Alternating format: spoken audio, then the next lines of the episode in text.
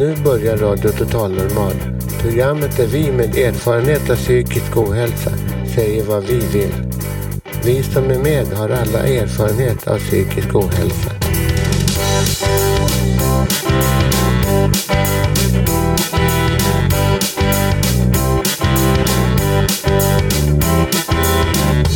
Du lyssnar på Radio Total Normal. 101,1. Totalt normalt. Radio Total Normal, torsdagar från två till halv fyra. Vi livesänder med publik från Götgatan 38 i Stockholm. Kom hit och lyssna. Här är alla röster lika värda.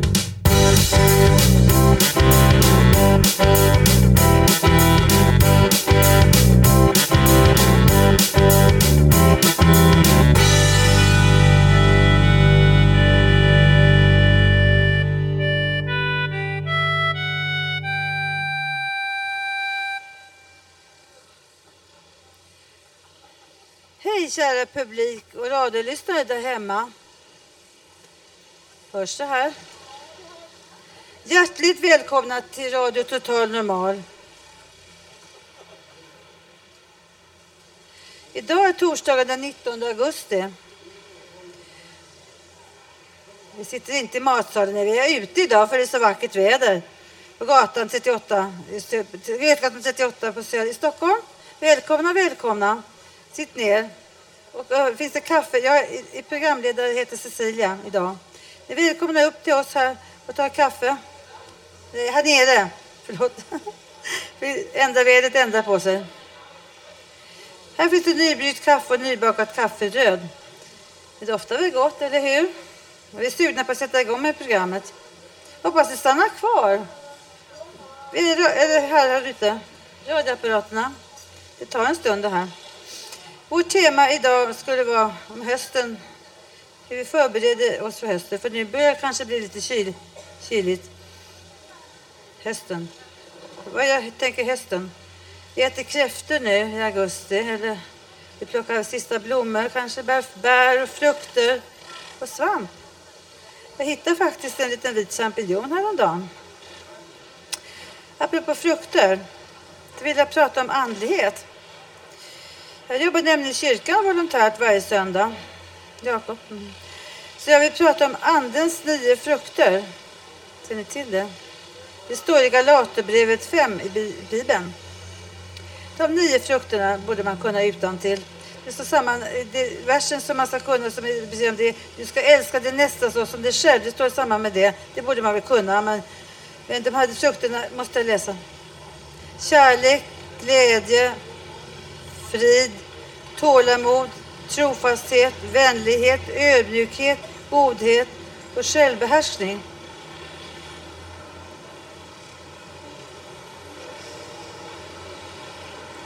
Det hörs, nu kommer det buller här. Jag måste vänta ett slag.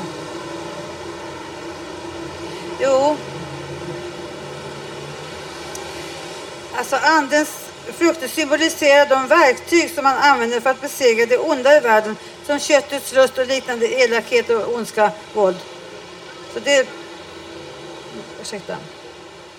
I dagens program kommer vi få höra poesi, livemusik, ett inslag om svartsjuka, ett inlägg om asylsökande och mycket, mycket mer. Nu börjar vi bli så kaffesugna så nu sätter vi väl igång, eller hur?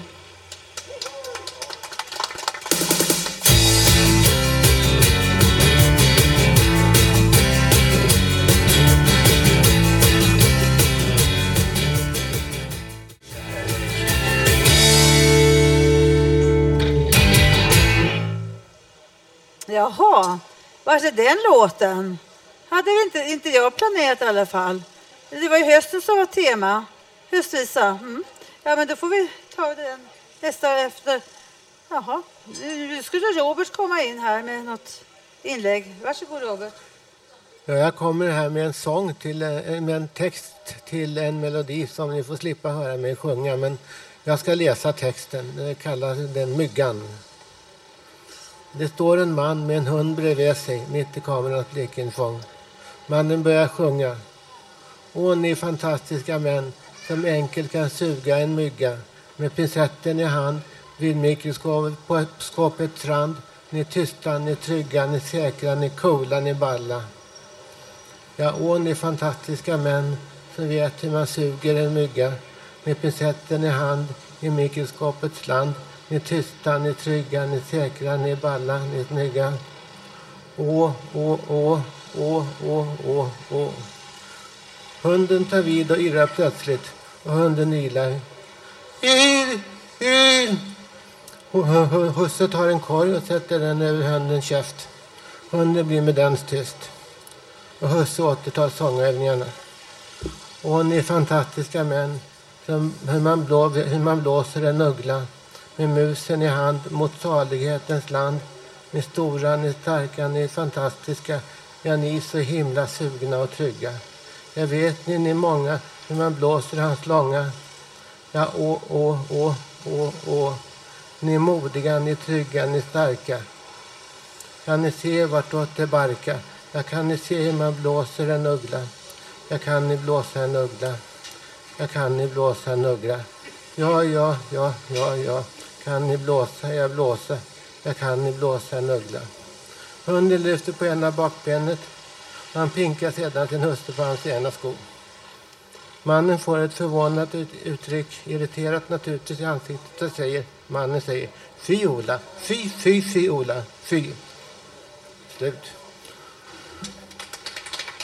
Vägen hem var mycket lång och ingen har jag mött. Nu blir kvällarna kyliga och sena. Kom trösta mig en smula.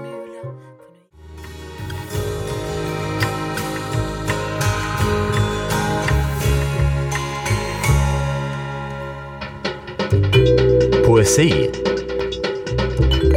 i Radio Total Normal. Ska, nu kommer Janne. Ska läsa en, din dikt. Varsågod Janne. Jag ska läsa en dikt här som jag har skrivit själv och den börjar så här. Sakta ögat sig sluta vill, sakta vi oss sluta hoppas på. Ofta tanken sig förvilla, mer jag ej säga kan, vandrar över solvarm strand. Skuggor bakom ljusen falna, till dess jag ej orkar gå. Mot ett mål min längtan vill, sig i slutna tomma rum härska, i en iskall nordanvind, smeka sakta djupt min kind. Ömhets falskhet döljer bakom all vår längtans ljusblå skyar över vatten och drömkristall, över fjäll och is och snö till det land jag älskar så och det folk av, medmänsklighet korsa all mitt hopps gröna nejder av en värld av frihetslängtan mot en värld av kärleksrött vandrar ännu allt för trött. Tack. Bra Janne, bra.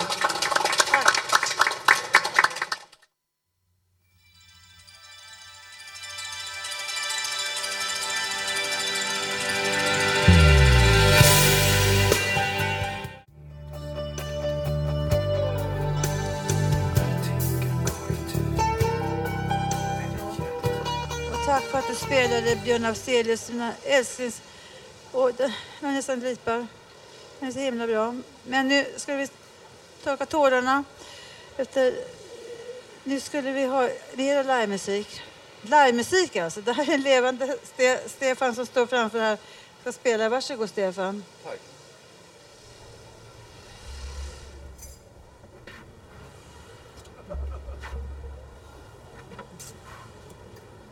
Och nu har det... där går det.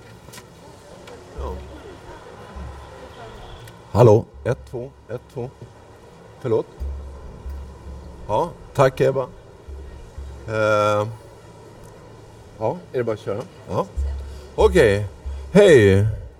Eh, just som sagt, det här är... Nej, okej, det här är Radio Total Normal. Och jag heter Stefan Persson. Och jag, jag skriver låtar och jag tänkte, jag tänkte spela nu en låt som jag har skrivit själv. Och den heter Bara du, bara jag. Eh, jag har spelat ganska mycket på gator och torg och sådär och, eh, och så vidare. Spelat, så att, eh, jag Jag hoppas eh, ni gillar den här låten. Som, för, ja, jag skriver den själv. Ja.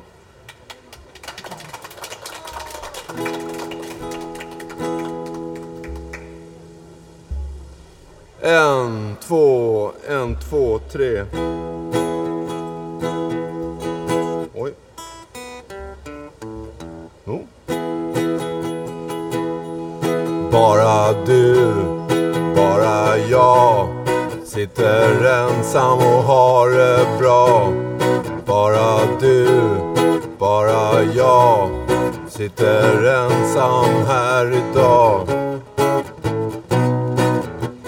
jag väntar och väntar på att du ska komma.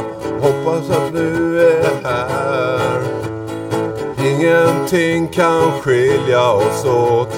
Jag vet för jag är kär. Bara du, bara jag. Sitter ensam och har det bra. Bara du, bara jag. Sitter ensam här idag säger och säger att du ska komma. Sånt har jag hört förr.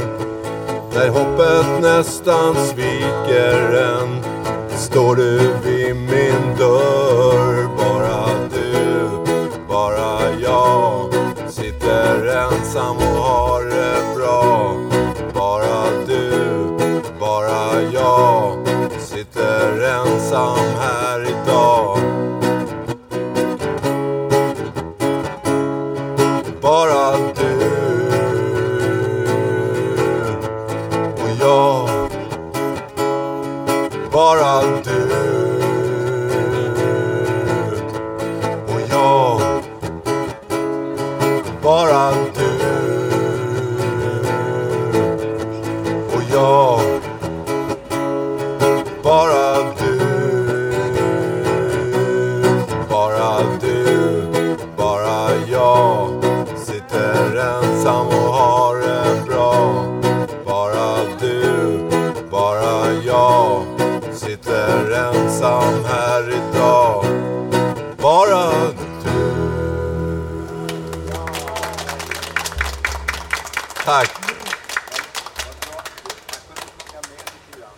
Ja, ja, du, ja, du lär, ja. Ja, du hörde texten, ja, du lärde dig, ja. Ja, okej. Tack ska ni ha. Tack. Tack. Oj, det var inga dåliga grejer. Tack Anna. Det var inga dåliga grejer. Karin, Karin, hallå Karin, nej. Nu har det blivit dags, ja hallå. Nu är det paus, lite paus. Ja, nu har det blivit dags för ett alltid lika hett ämne. Om något som de flesta känner känt av under sommaren kanske. Nämligen svartsjuka. Vi ska få höra Janne som var ute på stan i våras för att kolla läget bland folk om detta tema, svartsjuka. Men först ska vi få höra en repris av Karins dikt om svartsjuka. Svartsjukan svarta orm. Har du känt den? Svartsjukan svarta giftorm som ringlar sig runt hjärtat och drar åt. Sen panikångesten som kommer när du följer den älskades varje rörelse, varje mimik där han står och småpratar vid bardisken som du tycker alldeles för länge och med en annan kvinna som han har sagt att han bara är ytligt bekant med. Du sitter där en bit därifrån, kan inte höra vad de pratar om, vill höra varje ord men kan inte och kan inte heller slita blicken från de två. Svartsjukans orm väser, hugger och spottar sitt gift rakt in i din arma själ. Det är ett sådant tillfälle som man förstår hur oerhört sårbar man är och hur stark rädslan är för att bli övergiven. Rädslan är starkare än förnuftet.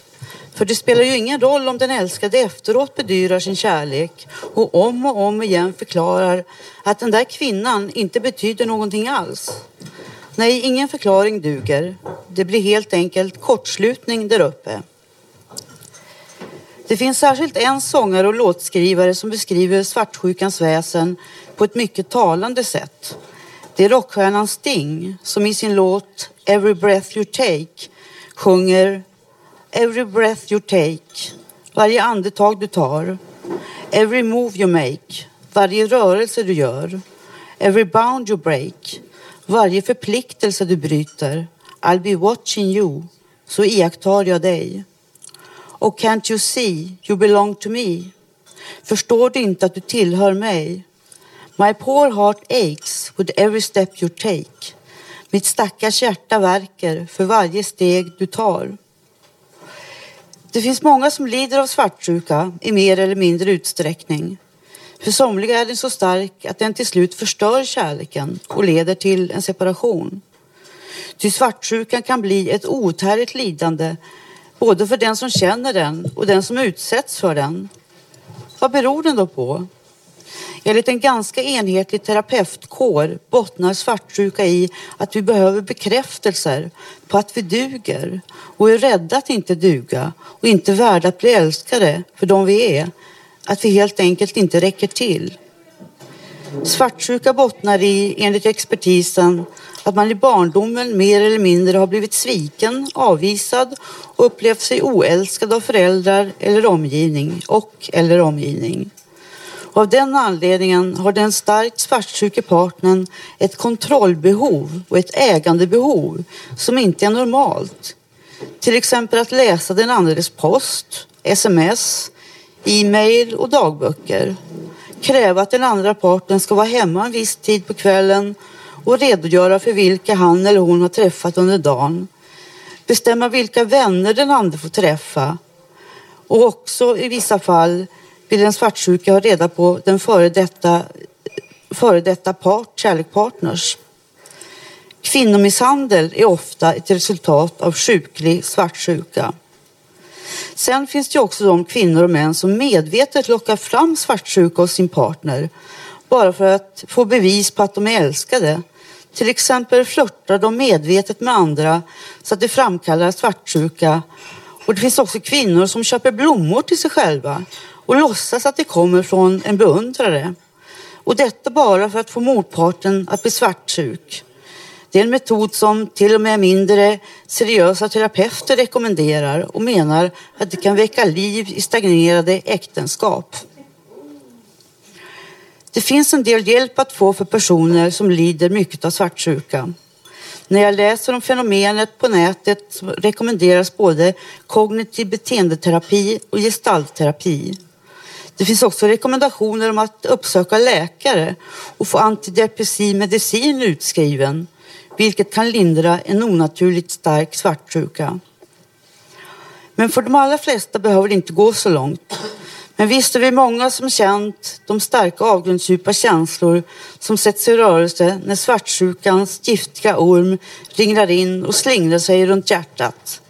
På ytan syns bara två gnistrande svarta ögon hörs bara hårda ord, förebrående ord.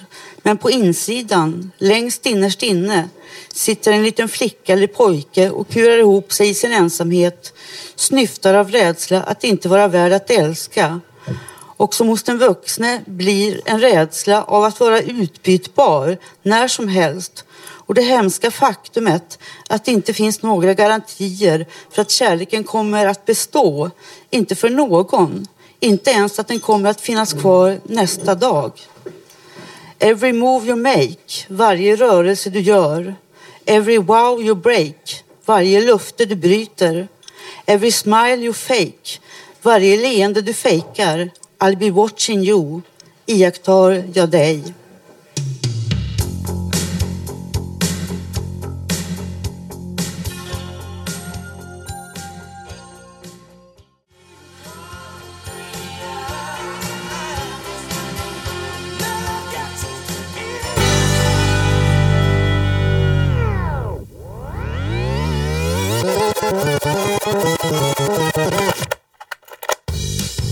Veckans repris i Radio Total Normal.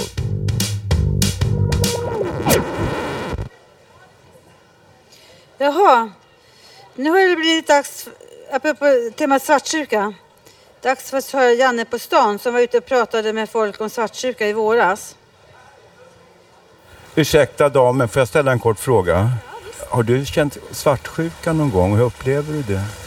Eh, ja, absolut. Jag har känt svartsjuka. Ehm, det är jobbigt och eh, svårt och eh, väldigt tungt. Men eh, sen efteråt så märker man att det gör liksom ingen skillnad, det gör ingen nytta. Och då känns det bara som att man har, då kommer man kastat bort sin tid i onödan. Har du känt svartsjuka någon? Vet du vad det är? Svartsjuka? Har du känt det? Absolut. Absolut. Hur upplevde du det? Eh, av kärlek. Jag menar, hur, ja, men det gör man. Men jag menar, hur kändes det för dig personligen? Eh, ja, man känner sig eh, lite deppig och helt nere och man blir desperat av hela livet. Har du känt att du ville liksom, göra illa den personen som, gör dig, som ger dig svartsjuka? Ja, det känns så, men eh, man kan inte göra så. Man får bara hoppas att han får glädje och, och bra liv. Ursäkta mig, får jag ställa en kort fråga? Har du känt svartsjuka någon gång? Eh, ja, det tror jag. Hur kändes det? Upplevde du? Eh, ja, det var jobbigt. Ja, Var det din flickvän då? Eller? Eh, ja det, jo, det var det nog. Det tror jag. Och den här kompisen här, har, har du upplevt svartsjuka någon gång? Ja, det har jag nog. Vad gjorde du åt det då? Eh, jag vet inte, snacka med min flickvän. Eller någon. Kompis. Polare. Ursäkta, får jag ställa en kort fråga? Får jag fråga har du varit svartsjuk någon gång? Säkert, jättesäkert. Hur kändes det? Man känner sig lite äcklig jag. Vad menar du med det? Äcklig? Man, man vill ju unna folk saker och sånt men eh, när man själv känner att nej det där vill jag ha eller det där. Ja, Pojken då? Pojkvän? Ja, kanske det. Ja, eller vad tycker du? Eh, om svartsjuka? Ja. alltså det är en väldigt illa tanke. Man behöver inte vara så pass svartsjuk, tycker jag. Har du varit svartsjuk? Många gånger, tyvärr. Kän- men, eh, Har du fått någon sån här eh, lust att göra något illa då, människa? Nej, aldrig någon sån patologisk svartsjuka faktiskt. Ja, vad bra, det har inte jag heller fått. Man, man blir ganska, det är jobbigt att ha det, det är ångestskapande, är det inte det? Det är väldigt ångestskapande och det är liksom, man ska ju unna den andra personen och att få göra saker. Man ska ju lita på personen man är tillsammans med. Eh, annars funkar det ju inte i längden. Men min flickvän som jag har nu är väldigt svartsjuk. Kanske älskar mig mycket då, tror du det? Ja, men det behöver inte handla om att man älskar personen heller. Det kan handla om att man bara vill äga personen också.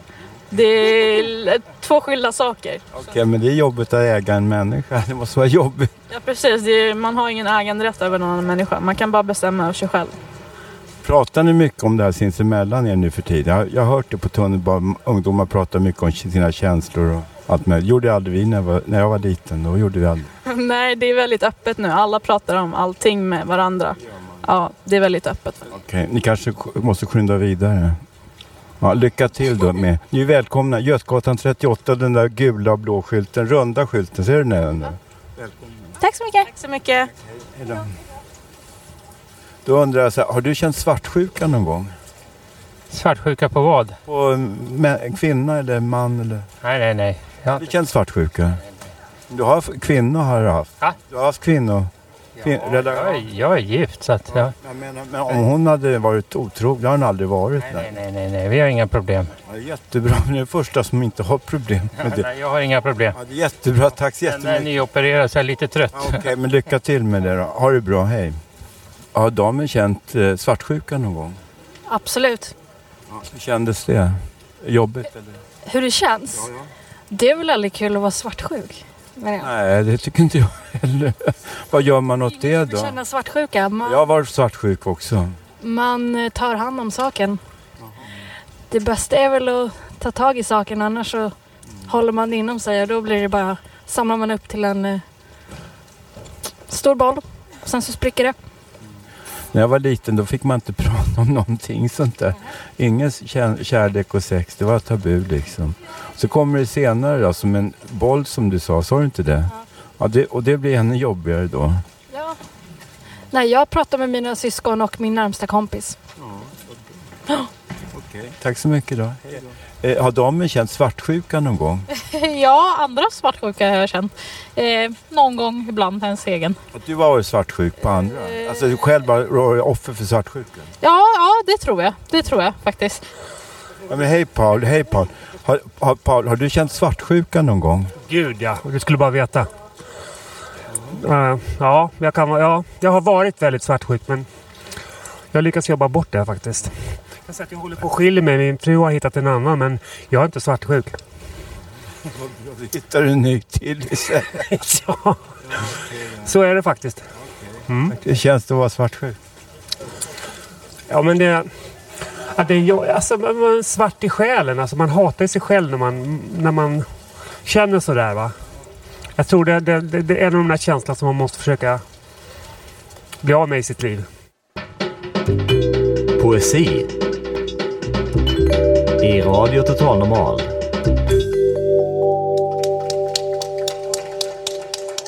Tack för det. Tack så mycket. Det var Janne. Och nu var det poesijingel för att Rika står bredvid här. Man ska läsa en dikt, eller hur Rika? Varsågod. Ja, tack.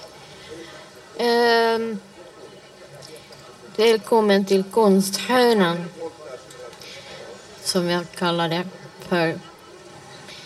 När jag tänker på de här dikterna så kopplas jag till genast på viss musik.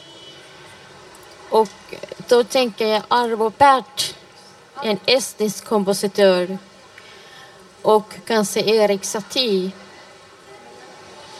Men de här två diktarna är mina favoriter och det är Gunnar Ekelöf och Bruno Och jag ska läsa ett par stycken av Bruno dikter.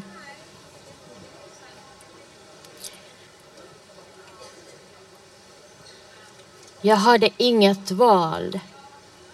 Jag satt och lyssnade till den underjordiska flygen. Såg iskvinnan framför mig. Hon spelade vackert. Hennes vita armbågar stod rakt ut. Lyste i det mörka valvet. Och hos mig var dörren öppen. Tonerna svävade och föll strödda över marken. Ett blått regn av vårplummor klingade svagt, rann fram genom gräset.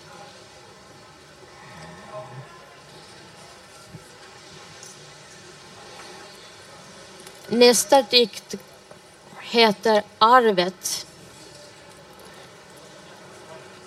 Jag önskar, jag önskar att allt var annorlunda.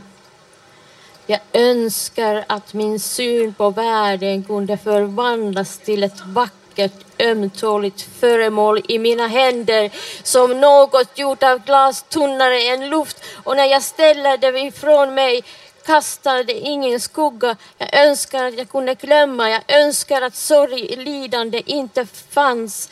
Men sorg är sanning. Sorg är ett bevis att du levt och funnits här. Sorg kan inte köpas eller säljas. Sorg kryper inte för någon. Livet, tiden och ett iskallt samhälle kan ta ifrån dig allt, råna dig på allt. Men ingen kan stjäla dina upplevelser. Ingen kan ta dina minnen ifrån dig. Ingen kan råna dig på din sorg.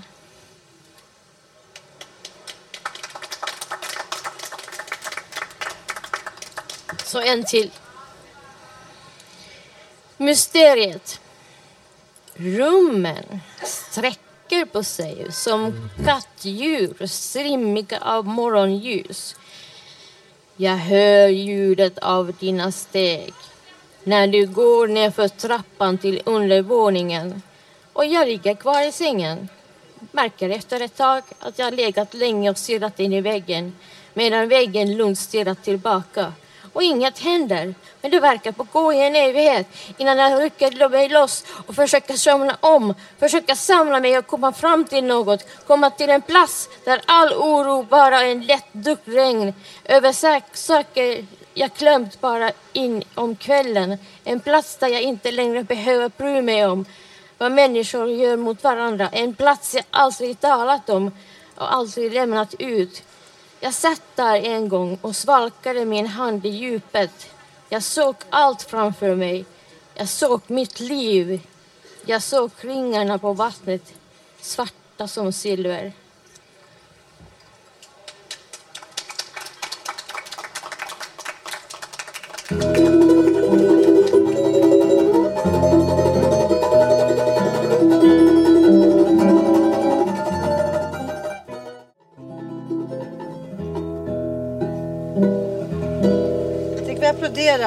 Applåderar. Vi. Tommy, han är vår medarbetare, har gjort en egen skiva, spelar balalaika.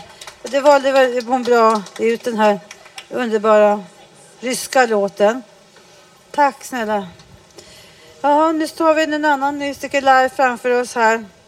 Bak, bredvid. Det är Hasse, så Quasi Quinto har kommit fram här och han ska spela live på gitarren och. Varsågod. Jag ska prata lite först om Gustaf Fröding. Eh, eh, nu på söndag så är det 150 år sedan han föddes. Och eh, han var väldigt produktiv vad det gäller att skriva texter och dikter och, och sångtexter och sådär. Men han led av psykisk ohälsa så han hade det inte lätt. Han satt på mentalsjukhus i många år och sådär och, och, vårdades mycket och sådär. Men han var väldigt produktiv som sagt var. Och en av de mest kända är Det var dans bort i vägen som tonsattes av Helfrid Lambert i slutet av 1800-talet eh, och eh, det är en sång som står sig än idag. Den går så här.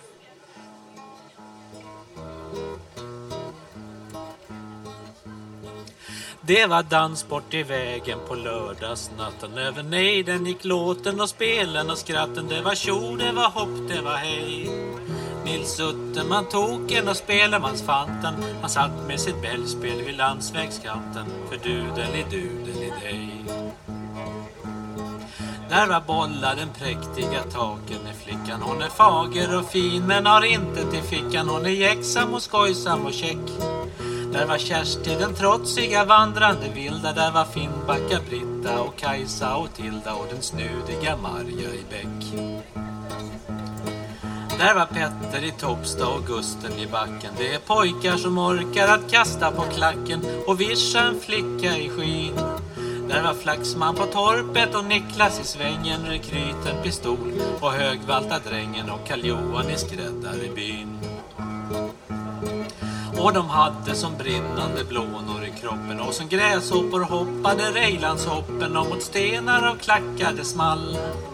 Och rockskörten flaxade, förkläden slängde, flätorna flög och kjolarna svängde och musiken den gnällde och gnall. In i snåret av björkar och alar och hassel Det var viskande snack, det var tissel och tassel bland de skymmande skuggorna där det var ras, det var lek över stockar och stenar Det var kutter och smek under lummiga grenar. Vill du ha mig så har du mig här. Över bygden låg tindrande stjärnfager natten. Det låg grimlande stenar och skvalpande vatten I den lövskogsbeskransade sjön. Det kom doft ifrån klöven på blommande vallar ifrån kodiga kottar på granar och tallar som beskuggade kungarnas krön. Och en räv stämde in i den lustiga låten och en uv skrek i hu ifrån Brynärsbråten men det märkte det hörde det ej. Men nu hu hördes ekot i getbejt skria till svar på Nils Uttermans dudelidia kom det dudeli-dudeli-dej kom det dudeli-dudeli-dej. Tack så mycket. Tack. Det var jättebra Hasse. Tack. Och nu skulle nästa inslag handla om asylsökande. Och det är Håkan som ska framföra. Sätt den röda. Sätt den istället. Den måste plocka ner. Så. Höjer den lite grann.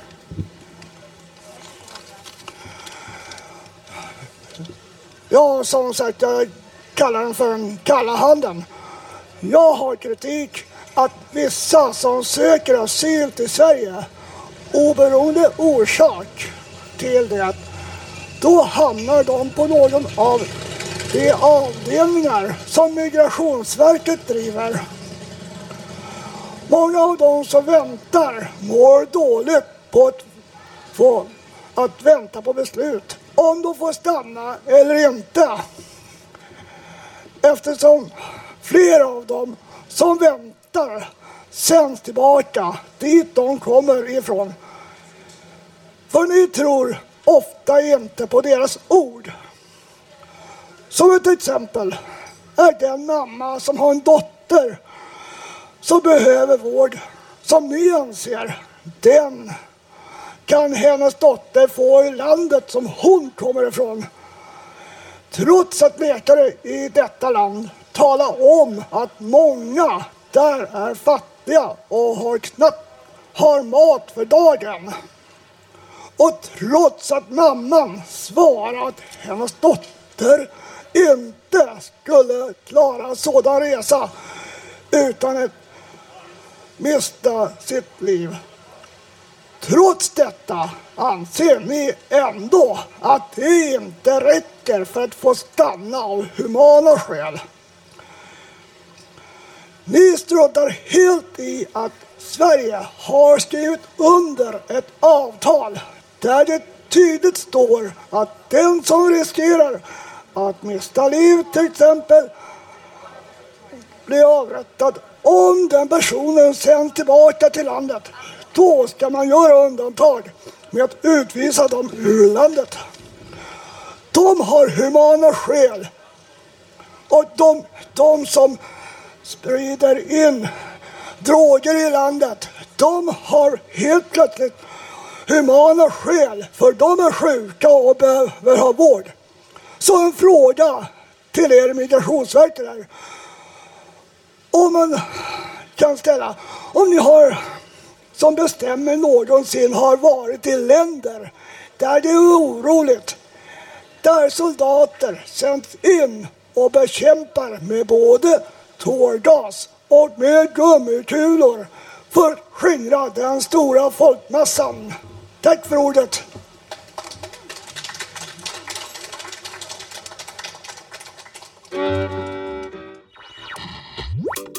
Radio Total Normal 101,1 torsdagar 14 till 15.30. Totalt normalt!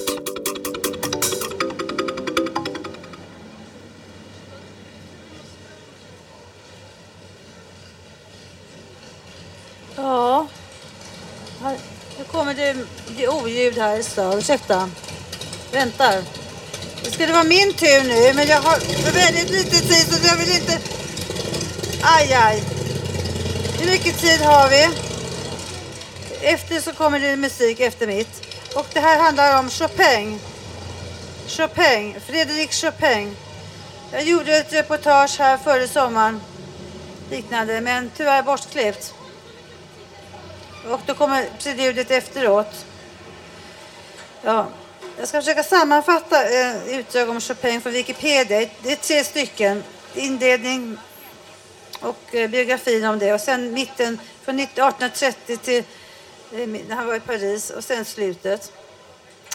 Jag försöker få sammanfatta snabbt. Alltså, alltså, Fredrik Chopin föddes i, i Polen 1 mars 1810. Dog 17 oktober 1849 i Paris. Han var en polsk kompositör, pianist och pianopedagog. Ja, hans far var naturaliserad fransman. Och de bodde på det här slottet i Polen utanför Warszawa. De var lärare där. Men Chopin föddes i en mycket musikalisk familj. Han har tidigt visat talang på att spela piano. Och han undervisades hemma av sin familj, sin syster. Men snart var han duktigare än alla omkring så han fick gå vidare och fick till slut en väldigt duktig lärare som hette Josef Elsner. Han var underbar redan vid tio års ålder och spelade piano. Han komponerade också mycket samtidigt och var berömd så ung i hela, nästan hela Polen.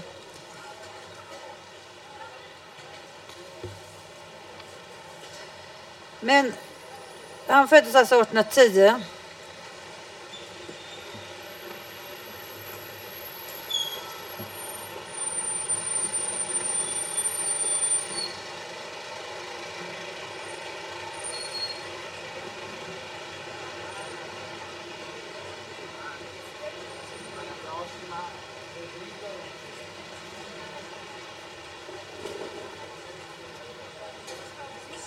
Ja.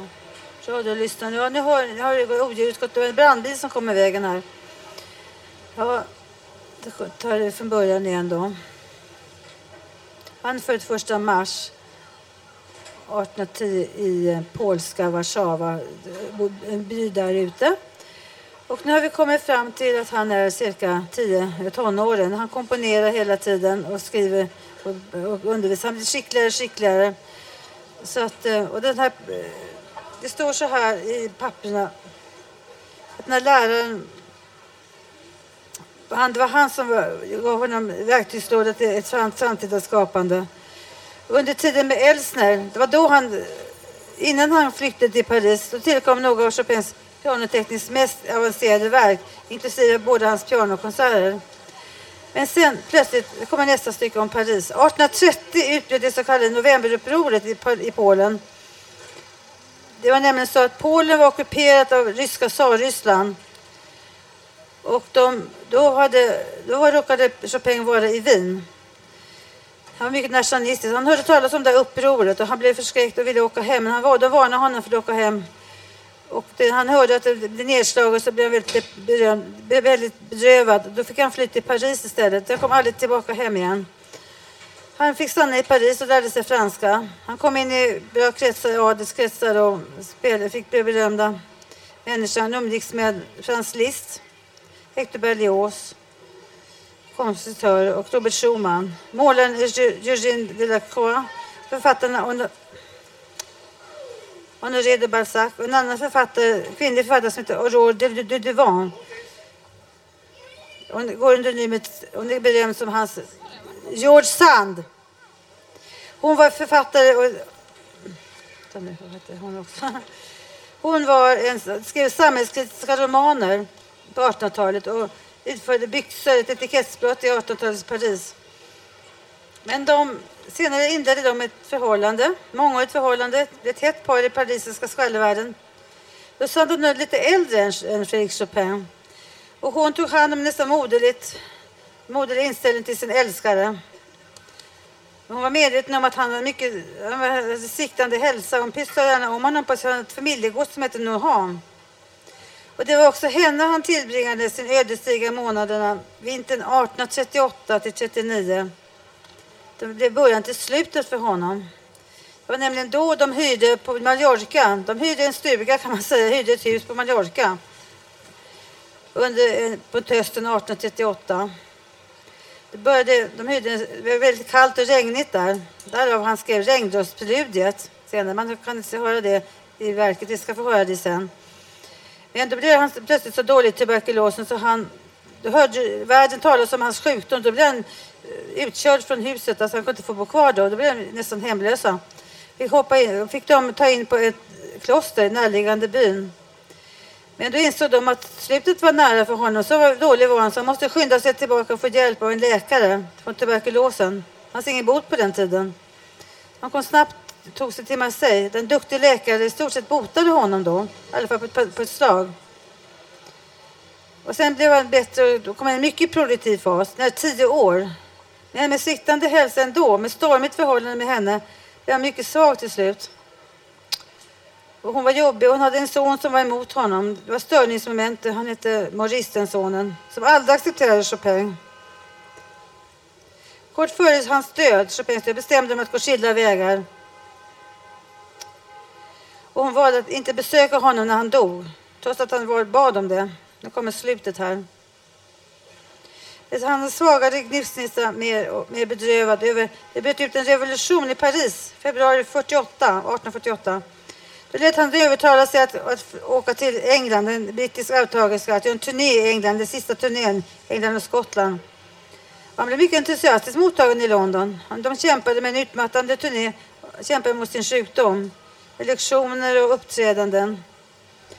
Men med hans blev svagare och svagare och till slut orkade han inte upprätthålla det här sociala livet, offentliga framträdanden.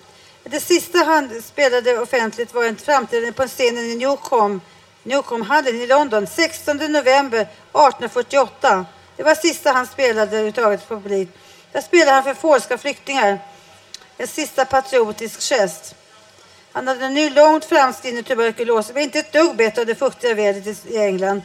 Och kort efter återkomsten till Paris avled han, Fredrik Chopin, 1849 på hösten, 17 oktober, nej, november tror jag. I kretsen av sina närmaste vänner och sin syster. Han begravdes där i Paris på kyrkogården Père Lachaise till musiken av Mozarts Requiem, som han själv hade önskat. Hans hjärta, hans eh, eget hjärta, det togs ut enligt hans testamente och fördes till Polen och ligger bevarat i kyrka som heter Svetega Krysta, kan jag inte säga, i Heliga Korsets kyrka, som ett tecken på hans aldrig sviktande kärlek till sitt fädernesland. Jag kan säga att han har varit mycket produktiv, för jag nämna lite det han har gjort här. Det står i urverken. Det är ballader, ett antal, opusen, det är flera opusballader. Sen är det... Nej, kan inte med. Jag får ta det utan till då. Ja, det är valser, det är nocturne, det är pianokonserter, två stycken och det är ett mycket stort antal opus. Men Regndropspreludiet skulle vara nu opus... Ja, så var det en bild på... Jag hade en bild vi skickade runt här på som den här berömde Georgine Delacroix har gjort. Men det står om det. Det finns en bok jag har läst där som har skrivit en engelsk författare. Jag minns inte vad han heter nu. Jag kan läsa mer om honom på engelska. Men den här Regndropspreludiet, jag tror vi hittade det på Opus någonting. Ja, eller vad var det Hanna? Det är slut så. Ska vi ha lite?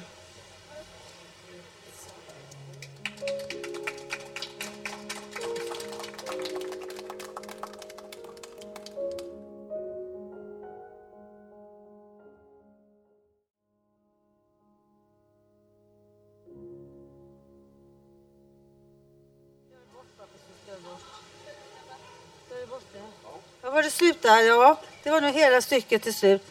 Det symboliserar regndropp och ett åskväder mitt i där.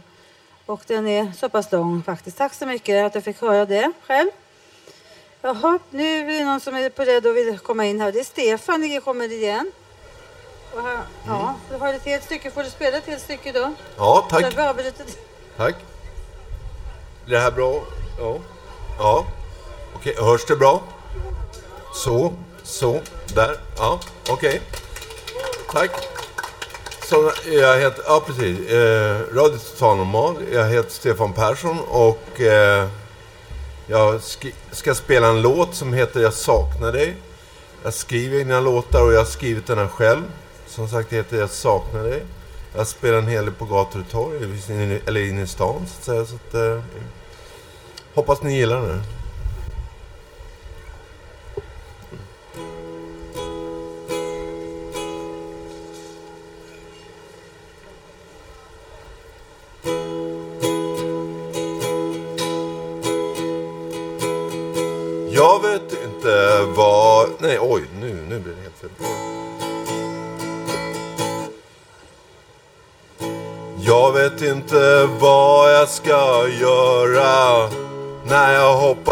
Du skulle höra vårt förhållande en enda röra. Och gräler ändå omkring oss de får höra. Vi håller på att tappa greppet om våra liv. Jag saknar begreppet. Jag vet inte vad som fört oss samman. Du som faktiskt redan hade en annan. Men det var så underbart när du log mot mig Och du kastade dig i famnen på mig Och du sa Jag lever nu, lever nu Jag saknar dig. Jag saknar dig. Jag saknar dig. Jag saknar dig. Jag saknar dig. Jag saknar dig. Jag saknar dig. Jag saknar dig. Jag saknar dig. Jag vet allt vad jag ska säga. Jag saknar dig. Jag vet allt vad de ska säga. Jag saknar dig. Jag vet allt vad du ska säga. Jag saknar dig. Jag saknar dig, jag vet allt vad jag ska säga. Jag saknar dig, jag vet allt vad de ska säga. Jag saknar dig, jag vet allt vad du ska säga. Jag saknar dig.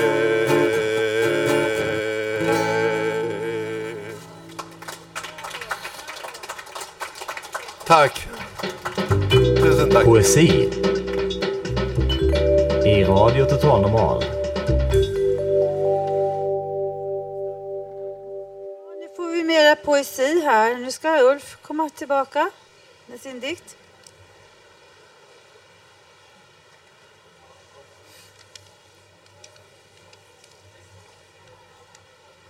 Det är fredag höst. Juni, juli var sommar. Nu är augusti. I'm going home. I'm going to post for war. Post for अपने हम पेंट पोस्कवर पोस्कवर पेड़ vår. När allt får presentera visar därefter to och vapen.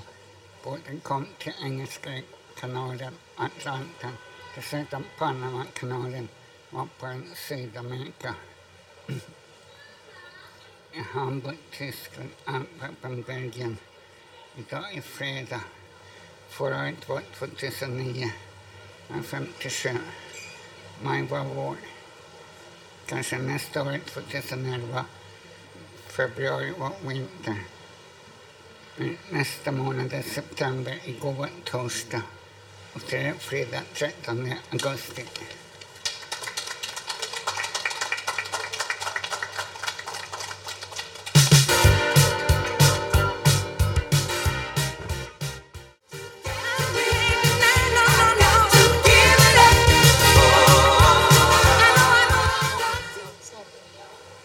Jaha, nu börjar det närma sig slutet. Men innan vi tar slut så skulle Susanna vilja komma in här. Ja, hejsan eh, alla medmänniskor. Eh, jag tänkte berätta om eh, självförsvar. Under sommartider, det till exempel överfallen och våldtäkter ökar ofta sommartid i, ute i samhället. Det beror mycket på värmen, skrivs det i media och så vidare. Det är också vintertider som också överfall och våldtäkter sker. Så att eh, jag eh, tänkte tala om en sak som eh, jag har självförverkligat. Det är så att eh, jag bestämde mig en dag, sju år sedan ungefär, och börja självförsvar. Det finns olika former av självförsvar man kan utöva.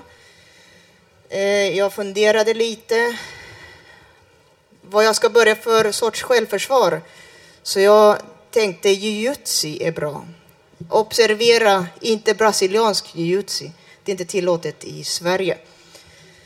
Eh, jag började i...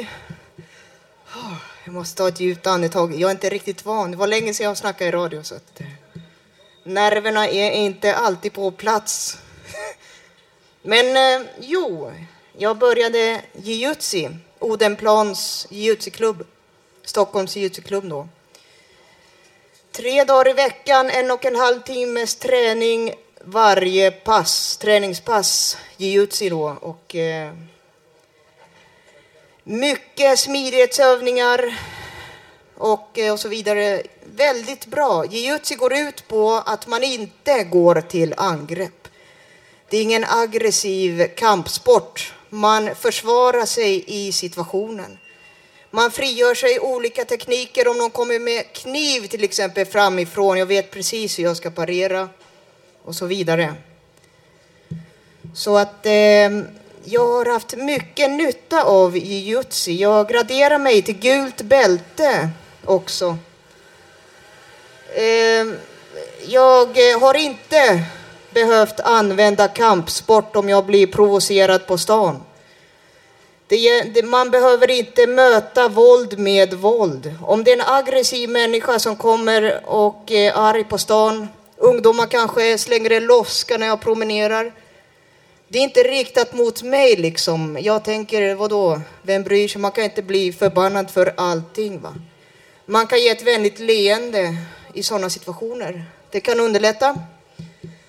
Så att eh, jag har haft väldigt mycket nytta av koordinationen med jujutsu också med hundar från eh, olika ställen. Ja, parera och eh, frigöra sig själv i olika situationer. Men våld föder inte våld. Om det är någon som är provocerande eller så, så kan man vara lugn tillbaka. Man behöver inte möta våld med våld. Men självförsvar är... Jag känner mig säker i att jag kan kampsport. Tack för mig.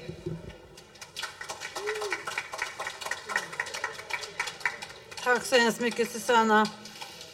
Det är så kloka ord. Ja, nu börjar vi så att närma oss slutet på programmet. Du lyssnar på Radio Total Normal, 101,1 MHz. Temat idag har varit att förbereda sig för, för hösten. Vi är inte speciellt utvilade, ganska för kort sommar här, men det är ändå det är trevligt att vara tillbaka på Radio Total Normal och göra nytta. Det har varit ödsligt under sommaren och ensamheten kan man bli tokig av. Om ni missar något i dagens sändning kan ni höra oss igen på nätet. Gå då in på www.radiototalnormal.se. Jag som har varit programledare idag heter Cecilia Lövenhjelm. Och det är jag som tillsammans med Roland Larsson har valt musiken till programmet. Ljudtekniker har varit Lene Günther. Och producent Hanna Samlin. Och projektledare Bodil Lundmark. Och sen lite slutord här, hinner jag med? Se nu till att ni får en bra höst genom att hålla sommarhumöret uppe. Tänk på att ett leende smittar av sig. Smile is contagious på engelska. Så le mot dem du möter så kan vi bevara sommarlyckan ett slag till. Se till att ha roligt i höst med kurser och med dina vänner. Något trevligt att göra. För ett gott skratt förlänger livet, eller hur? Oh. Ett gott skratt förlänger livet. Att skratta mycket nu, det mår man bra av. Man måste gråta hela tiden. Får vi någon musik nu? Får vi ingen musik, det mår man också bra av. Sjunga och spela körer och spela orkester.